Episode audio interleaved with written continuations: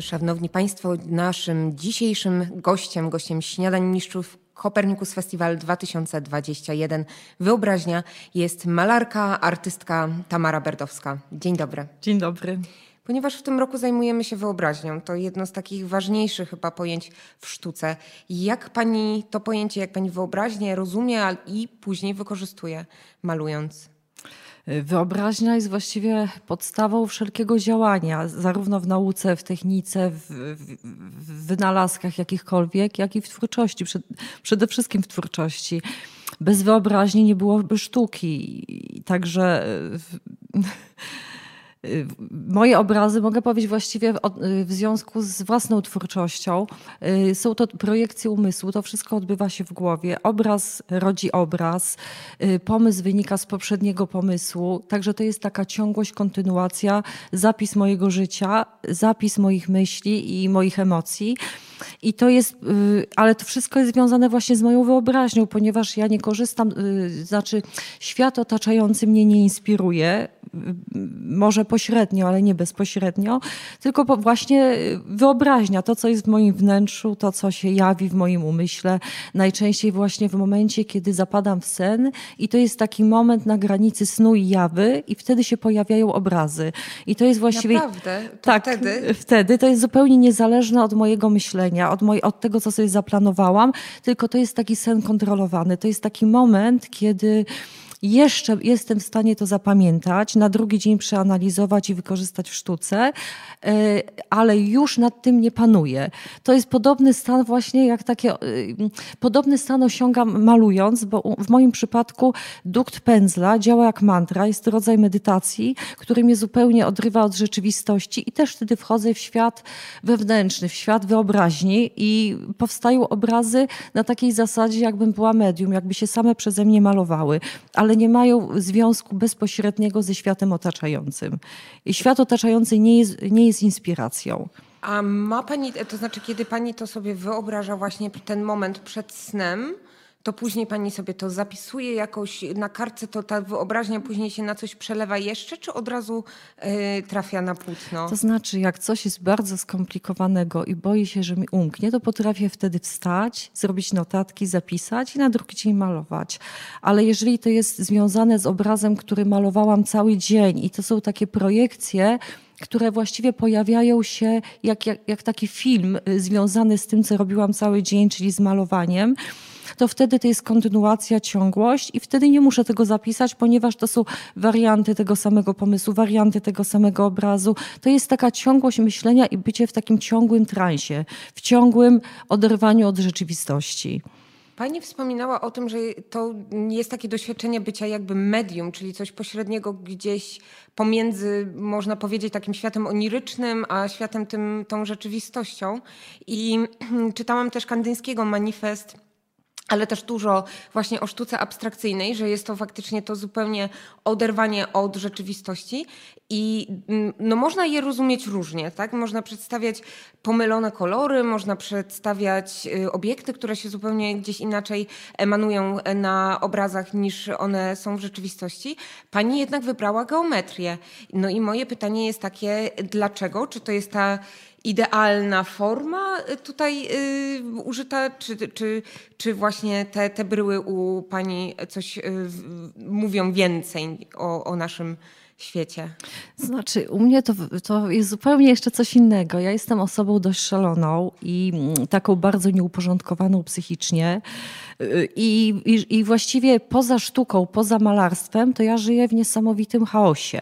Porządkuję moje życie sztuka, twórczość. Na szczęście kilkanaście godzin na dobę spędzam tworząc. I u mnie ta geometria to jest taki pierwszy impuls, to jest takie oswojenie przestrzeni, płótna, punkt wyjścia. I te bryły geometryczne nie mają jakiegoś znaczenia symbolicznego, nie, nie są to wy, wyliczenia matematyczne, tylko to jest takie pierwsze dotknięcie i to działa jak taki szkielet, jak coś, co jest niezmienne, nieulegające przeobrażeniom, coś, co daje mi porządek, pierwszy impuls, a później jak, jak zaczynam malować, to to już jest ukryte właściwie, to znika, ten rysunek geometryczny znika pod walorem czy kolorem, zależnie od tego, czy operuje kolorem, czy tylko walorem i właściwie każda następna warstwa obrazu ukrywa rysunek geometryczny i zaczyna żyć własnym życiem. Zaczynam w transie malować i to są bardziej takie psychodeliczne obrazy niż, niż abstrakcja geometryczna. I ten, ta geometria zostaje tylko jako taki wewnętrzny rytm. Ona jest zasugerowana, ona daje porządek ona właściwie porządkuje i mnie i pozwala łatwiej odebrać to odbiorcy, to co, to, to, to, to, co namaluje. Natomiast kolor to jest mój żywioł i właśnie ta zabawa kolorem później, która ukrywa ten rysunek geometryczny, to jest największa przyjemność i właściwie geometria u mnie y, służy tylko oswojeniu przestrzeni i takiemu pierwszemu impulsowi, ale nie jest celem samym w sobie, nie jest y, i nie ma żadnego znaczenia ani symbolicznego, ani, ani tak jak już wspomniałam, nie jest to matematycznie wyliczone. Rozumiem. Ostatnio spotkałam się też z Pani pracami przestrzennymi. No i tutaj takie instalacje, wydaje mi się, że nie do końca jesteśmy przyzwyczajeni nie wiem, czy to kwestia kultury, czy tego, że te instalacje w ogóle w sztuce to nie jest taka szczególnie y, zastana forma. E, łatwiej się po prostu odbiera obraz sztuki jako prawda, kawałek płótna i jest coś na nim e, przedstawione. E, czy ma Pani wrażenie, że musimy mieć jakieś inne narzędzia do odbioru takiej sztuki przestrzennej, czy może wręcz przeciwnie? Widzi Pani, że ludzie wchodzą w zupełnie inną, ale mocniejszą interakcję z taką pracą? Myślę, że wchodzą w mocniejszą interakcję z taką pracą, ponieważ to jest świat otaczający jest jest o wiele bardziej urozmaicony niż moje obiekty przestrzenne. Wchodzi się do lasu, są liście, drzewa, trawa. Y, w mieście tak samo jest mnóstwo impulsów zewnętrznych i moje rysunki przestrzenne nie są, nikogo nie, to znaczy nikogo nie są w stanie w jakiś sposób zadziwić formą, ale yy, Punktem wyjścia dla rysunku przestrzennego jest zawsze rysunek, y, który, rysunek geometry, y, geometryczny, który pojawia się w moich obrazach jako punkt wyjścia. I w obrazach potem jest to pokryte farbą i, ten, i zostaje tylko wewnętrznym rytmem. Natomiast w rysunkach przestrzennych, przez to, że jest przeźroczystość folii i jest otoczenie, gdzie jest pełno ludzi, wernisaż, ludzie oglądający wystawę, zachodzi relacja między, y, między tym, co się dzieje w świecie realnym, y, w świecie otaczającym, a tym idealnym, takim wyspekulowanym, wymyślonym y, rysunkiem i po prostu wszystko się jest w ruchu. Zależnie z jakiego punktu widzenia widzimy obiekty przestrzenne, te obiekty inaczej wyglądają. I nie wymagamy jakiegoś, to znaczy widz nie musi być specjalnie przygotowany, bo to działa wizualnie. Obcho I mnóstwo ludzi właśnie ogląda te rysunki, zagląda za folię, próbuje dotykać, jak jest jakiś przeciąg folie się ruszają i wydaje mi się, że to jest łatwiejsze w odbiorze i bardziej takie atrakcyjne nawet dla osób nieprzygotowanych niż malarstwo, bo nawet y, jakie są wystawy, to dzieci bardzo żywiołowo reagują na moje rysunki przestrzenne. Tak, a dzieci są zupełnie nieprzygotowane, tylko podchodzą po prostu emocjonalnie, impulsywnie i, i, i właśnie mają bardzo rozwinięty zmysł wyobraźni. No i, i, zauważyłam, że reakcje są takie, że rodzice łapią za ręce, bo chcą dotykać, chcą zaglądać. Także y, ja nie wymagam jakiegoś specjalnego przygotowania od odbiorcy. Po prostu są te rysunki i każdy na swój sposób, na swoim poziomie je odbiera. To właśnie a propos odbioru, zastanawiam się, czy kiedy pani maluje, to jest jakiś konkretny przekaz, który odbiorca powinien złapać? Mm, jeśli nadaje na tych samych falach co ja, to złapie. A, a tak, no to ja właściwie też nie mam żadnych oczekiwań i żadnych wymagań. Y, każdy człowiek, każdy artysta i w ogóle każdy człowiek jest istotą no, niepowtarzalną, jedyną w swoim rodzaju. I ja traktuję swoją twórczość jak zapis mnie. Jest to zapis mojego życia, zapis każdej minuty mojego życia. To się wszystko zmienia. Y, y, tak samo jak zmienia się moja świadomość, moje jakieś doświadczenie życiowe. I jeżeli ja zapisuję siebie w tym momencie, ja nie mam żadnych wymagań, żeby to ktoś w jakikolwiek sposób odbierał. Każdy odbiera na swoim poziomie, tak jak jest przygotowany. I, i, to mhm. właśnie to, jeżeli odbiera każdy na swoim poziomie i jakoś tak subiektywnie, mhm. a uczy nam się jakiegoś takiego odbioru, co artysta miał na myśli, Zastanawiam się, czy może jest odbiór, który jest albo dobry jakiejś pracy, albo zły. No bo przy pracach mimetycznych można e, wyobrazić sobie, że ten odbiór jest o tyle uproszczone, że one przypominają coś na tym obrazie, coś faktycznie jest. Jest na nim dama z koniem i tak dalej. W sensie tutaj nie mamy takiego dużego pola do interpretacji.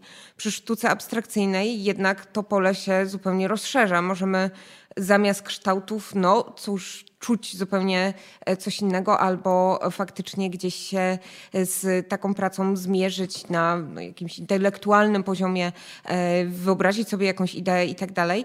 I zastanawiam się, czy właśnie w tej sztuce abstrakcyjnej można mówić o um, prawidłowym albo złym odczytaniu dzieła. Jak pani sądzi? To znaczy, każdy człowiek, zależnie od doświadczenia, od wiedzy, na swoim poziomie jest w stanie odebrać sztukę. I jeżeli coś jest naprawdę dobrego, to człowiek nawet niewykształcony, nieprzygotowany będzie, będzie to przeżywał. Może powiedzieć, że nie rozumiem, dlaczego mi się to podoba, ale mi się to podoba, przeżywam to, y, jest to ciekawe, a można przejść obojętnie i w ogóle sztuka zaczyna być wtedy przeźroczysta dla kogoś i w ogóle tego nie, nie, nie, nie zauważyć.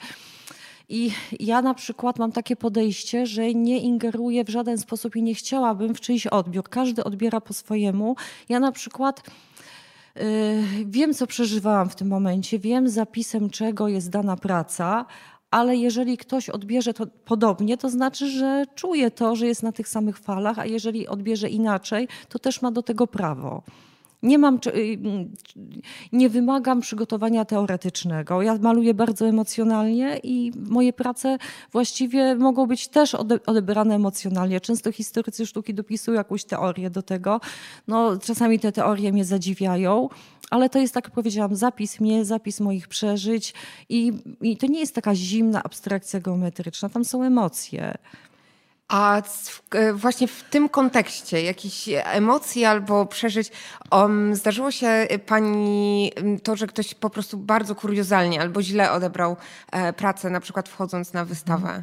To znaczy, to raz był taki element zaskoczenia. Yy, miałam wystawę organizowaną w, w Muzeum w Chełmie.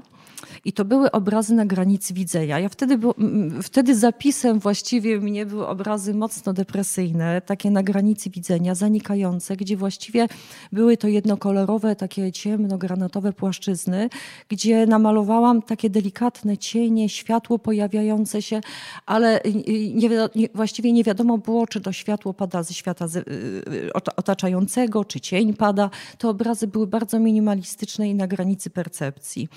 I przyszła kobieta, która chodziła taka oburzona po wystawie. W końcu podeszła, a potem zaczęła się uśmiechać.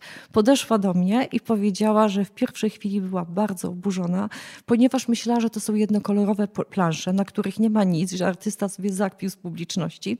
A po jakimś czasie zaczęła dostrzegać te cienie, te jakieś impulsy i zaczęła zaglądać za obraz, czy to jest podświetlone, czy może cień pada, jak to jest zrobione i zrozumiała, że to jest namalowane. I zaczęło jej się to podobać i że przyszła, żeby mi o tym powiedzieć. Ale też w Krakowie y, miałam taką sytuację, też robiłam wystawę na granicy percepcji, y, że jeden z artystów z piwnicy pod baranami przyszedł i bardzo się denerwował, że tutaj nic nie ma i że właśnie artysta sobie zakpił. A, czyli te, te właśnie mm, są te, emocje. Ten cykl były. wzbudził najwięcej... Tak, tak. W tej chwili maluję halucynacje, maluję bezsenność, takie cykle. Teraz zabiorę się za jeszcze jeden cykl, tylko nie chcę na razie zdradzać, dopóki nie zacznę, co to będzie. Ale, ale wtedy, jak malowałam właśnie takie minimalistyczne obrazy, no to dziwiło mnie to, że tak ciche, spokojne obrazy mogą tak ludzi denerwować i takie kontrowersje wzbudzać. Rozumiem. Jeszcze ostatnie e, pytanie, jakie chciałam zadać, dotyczy takiego ponadczasowego sensu pracy. Czy ma Pani jakąś receptę, poradę, czy da się w ogóle przewidzieć, czy praca będzie ponadczasowa? E, mamy wspomnianego dzisiaj Kandyńskiego, mamy Duchampa, mamy mamy paru innych artystów, którzy faktycznie gdzieś zaczęli wyrywać się z tej no, takiej typowej strony malarstwa, czyli przypominania jakiejś takiej rzeczywistości, która nas otacza. I zastanawiam się, czy, no, czy w ogóle na taką nadczasowość w sztuce abstrakcyjnej No bo tutaj, gdzie mamy jakąś tam, powiedzmy, mimetykę, można powiedzieć, czy ktoś dobrze albo nie odwzorował um, dany obiekt, albo czy zrobił to estetycznie, no to to już jest kwestia gustu. A w sztuce abstrakcyjnej, czy może istnieć jakaś recepta na e, ponadczasowe dzieło i sens, który to dzieło zawiera? To znaczy, wydaje mi się, że jeżeli artysta jest autentyczny, jeżeli jest prawdziwy i szczery w tym, co robi, i jeszcze dobry technicznie, to jak najbardziej jest to możliwe. Natomiast jeżeli się jest wtórnym, jeżeli maluje się to, co jest modne pod publiczkę czy pod kuratorów, no to prędzej czy później to będzie widać. Takie, takich prac jest dużo i tylko i wyłącznie taka pokora wo, wobec twórczości oczywiście i, i absolutna szczerość wobec sztuki, wobec siebie może po prostu dać możliwość takie, tego, że te prace będą ponadczasowe, bo jesteśmy jedyni w swoim rodzaju, niepowtarzalni, więc jeżeli będziemy robić to, co jest w nas i uzewnętrzniać to, no to jest szansa, że to będzie ponadczasowe, ponieważ nikt inny czegoś podobnego nie zrobi. Skąd się wziął e, w takim wypadku w Pani pracach pomysł na wykorzystanie przestrzeni w sztuce? Chodzi pani o obiekty przestrzenne, tak. tak? To był taki moment, kiedy robiłam film animowany, bo po malarstwie zapisałam się na film animowany. Nawet zrobiłam absolutorium, ale już nie, nie robiłam dyplomu. E, I rysowałam y, na, na celuloidach. I byłam krańcowo zmęczona. Robiłam rysunek za rysunkiem na tych celuloidach. Byłam zmęczona i przyszedł moment, kiedy ja już właściwie rysując i siedząc zaczęłam zasypiać. I znowu ten cudowny moment, kiedy jest granica między jawą a snem. I kiedy człowiek, kiedy nie wiem jak inni, ale ja wtedy jestem najbardziej otwarta, najbardziej twórcza i najwięcej w tej mojej głowie się wtedy dzieje. I to był taki moment, kiedy zaczęłam gryzmolić, dosłownie gryzmolić jakieś kreski stawiać na tych, na tych celuloidach.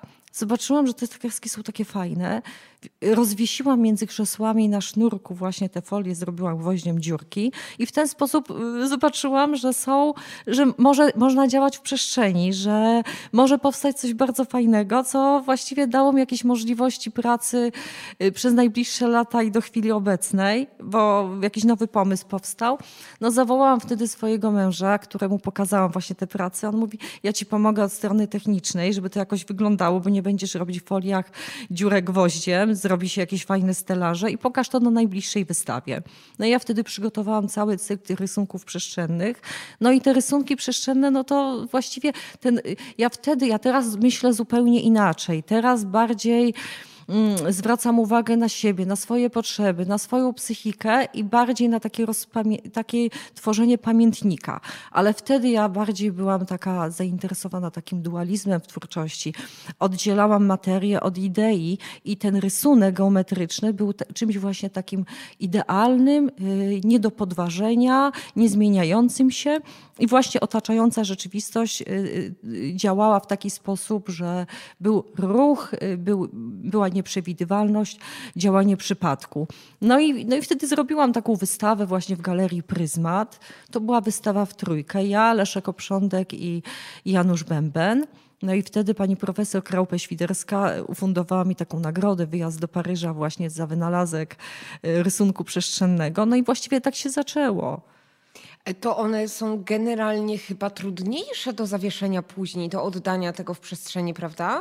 To znaczy, y, od, y, nie, nie, bo to jest, y, ja to mam wszystko zaplanowane. To jest tak, jakbym rysowała, jak jest jakaś projekcja umysłu, jakaś forma geometryczna pojawia, pojawia się właśnie w mojej wyobraźni. To, to jest tak, jakby narysowany przekrój tej formy. Folie są zawieszone jedna za drugą, tak mniej więcej co centymetr. I to właściwie łatwo jest zawiesić, tylko po prostu musi być dobry stelaż. I ja już Właśnie nie próbuję czuję sobie tego to pro... wyobrazić. Yes. szczególnie nasi e, słuchacze i e, te osoby, które słuchają w radio, to myślę, że też tutaj są uruchomione te wszystkie funkcje poznawcze wyobraźnie, jak, jak to faktycznie gdzieś powstaje, prawda, i rośnie mm. w tej przestrzeni sztuki. No dobrze, ale mówiła Pani o tej fazie faktycznie e, przechodzenia w sen. To jest ta faza, w której myślę, że dużo z nas robi ostatnie notatki albo jakieś takie rzeczy, o właśnie przychodzą do głowy. E, u Pani to są fantastyczne obrazy i sztuka, którą się Pani zajmuje, ale też gdzieś tam częściowo czerpiąc z natury, czy w ogóle nie? Y, bezpośrednio nie czerpię z natury. Oczywiście czerpałam, dopóki jeszcze rysowałam z natury studium aktu, martwą naturę, pejzaże, jak każdy początkujący artysta, ale odkąd znalazłam właściwie własną drogę twórczą, to moje czerpanie z natury polega na takim zachwycie zestawieniami kolorystycznymi. Na przykład był moment, że jak były takie plamy benzyny rozlane po deszczu na, na ulicach, na, na jezdni, no to zawsze się zatrzymywałam, zachwycałam i powstały takie benzyny benzyniaki, kilka takich obrazów właśnie opalizujących, gdzie właśnie ta zieleń przychodziła, fiolet, później jak, jak, jakąś taką czerwień, granat. Zachwycałam się właśnie taką rozlaną benzyną. Tak samo jak obserwuję ptaki, zachwycają mnie zestawienia kolorystyczne. W naturze y, szukam fragmentów, nie patrzę jak na całość, tylko po prostu wyszukuję takich fragmentów, które mogą mnie zainspirować do zmiany kolorystyki. Reaguję bardzo na, na zestawienia kolorystyczne. Czy ta wrażliwość e, jest u Pani zawsze, czy może coś się w niej zmieniło przez rok pandemii? E, jak Pani ocenia, jest jakiś taki większy zwrot ludzi w stosunku do, nie wiem, sztuki albo natury? Czy nie doświadczyła Pani takiego zjawiska? Bo niekiedy się właśnie mówi, że pandemia przysporzyła nam takich, no cóż, amatorów sztuki i natury. No właśnie zauważyłam, że chyba jest więcej sprzedaży teraz niż przed pandemią. Nie wiem, z czego to wynika, bo nie znam rynku sztuki, nie, nie znam się na tym zupełnie. Nie, nie. Dobrze, to w takim mm. razie y, czy jest coś, co jest kluczowe w y, tworzeniu sztuki przez panią? Czy jest coś, co pani y, potrzebuje, żeby znaleźć się w tym e, takim momencie twórczym, e, tak to nazwijmy? Y, pusta przestrzeń. Ja właśnie y, słuchając muzyki wchodzę w rytm muzyki i byłoby du duże zakłócenie przy mojej własnej, przy mojej twórczości. I u mnie właśnie, tak jak już wspominałam, to jest dukt pędzla, który działa jak mantra. Dochodzi do zupełnego takiego oderwania się od rzeczywistości i żeby tak wejść w siebie, doprowadzić siebie psychicznie takiego stanu, takiego totalnego odlotu, to ja muszę mieć absolutną ciszę.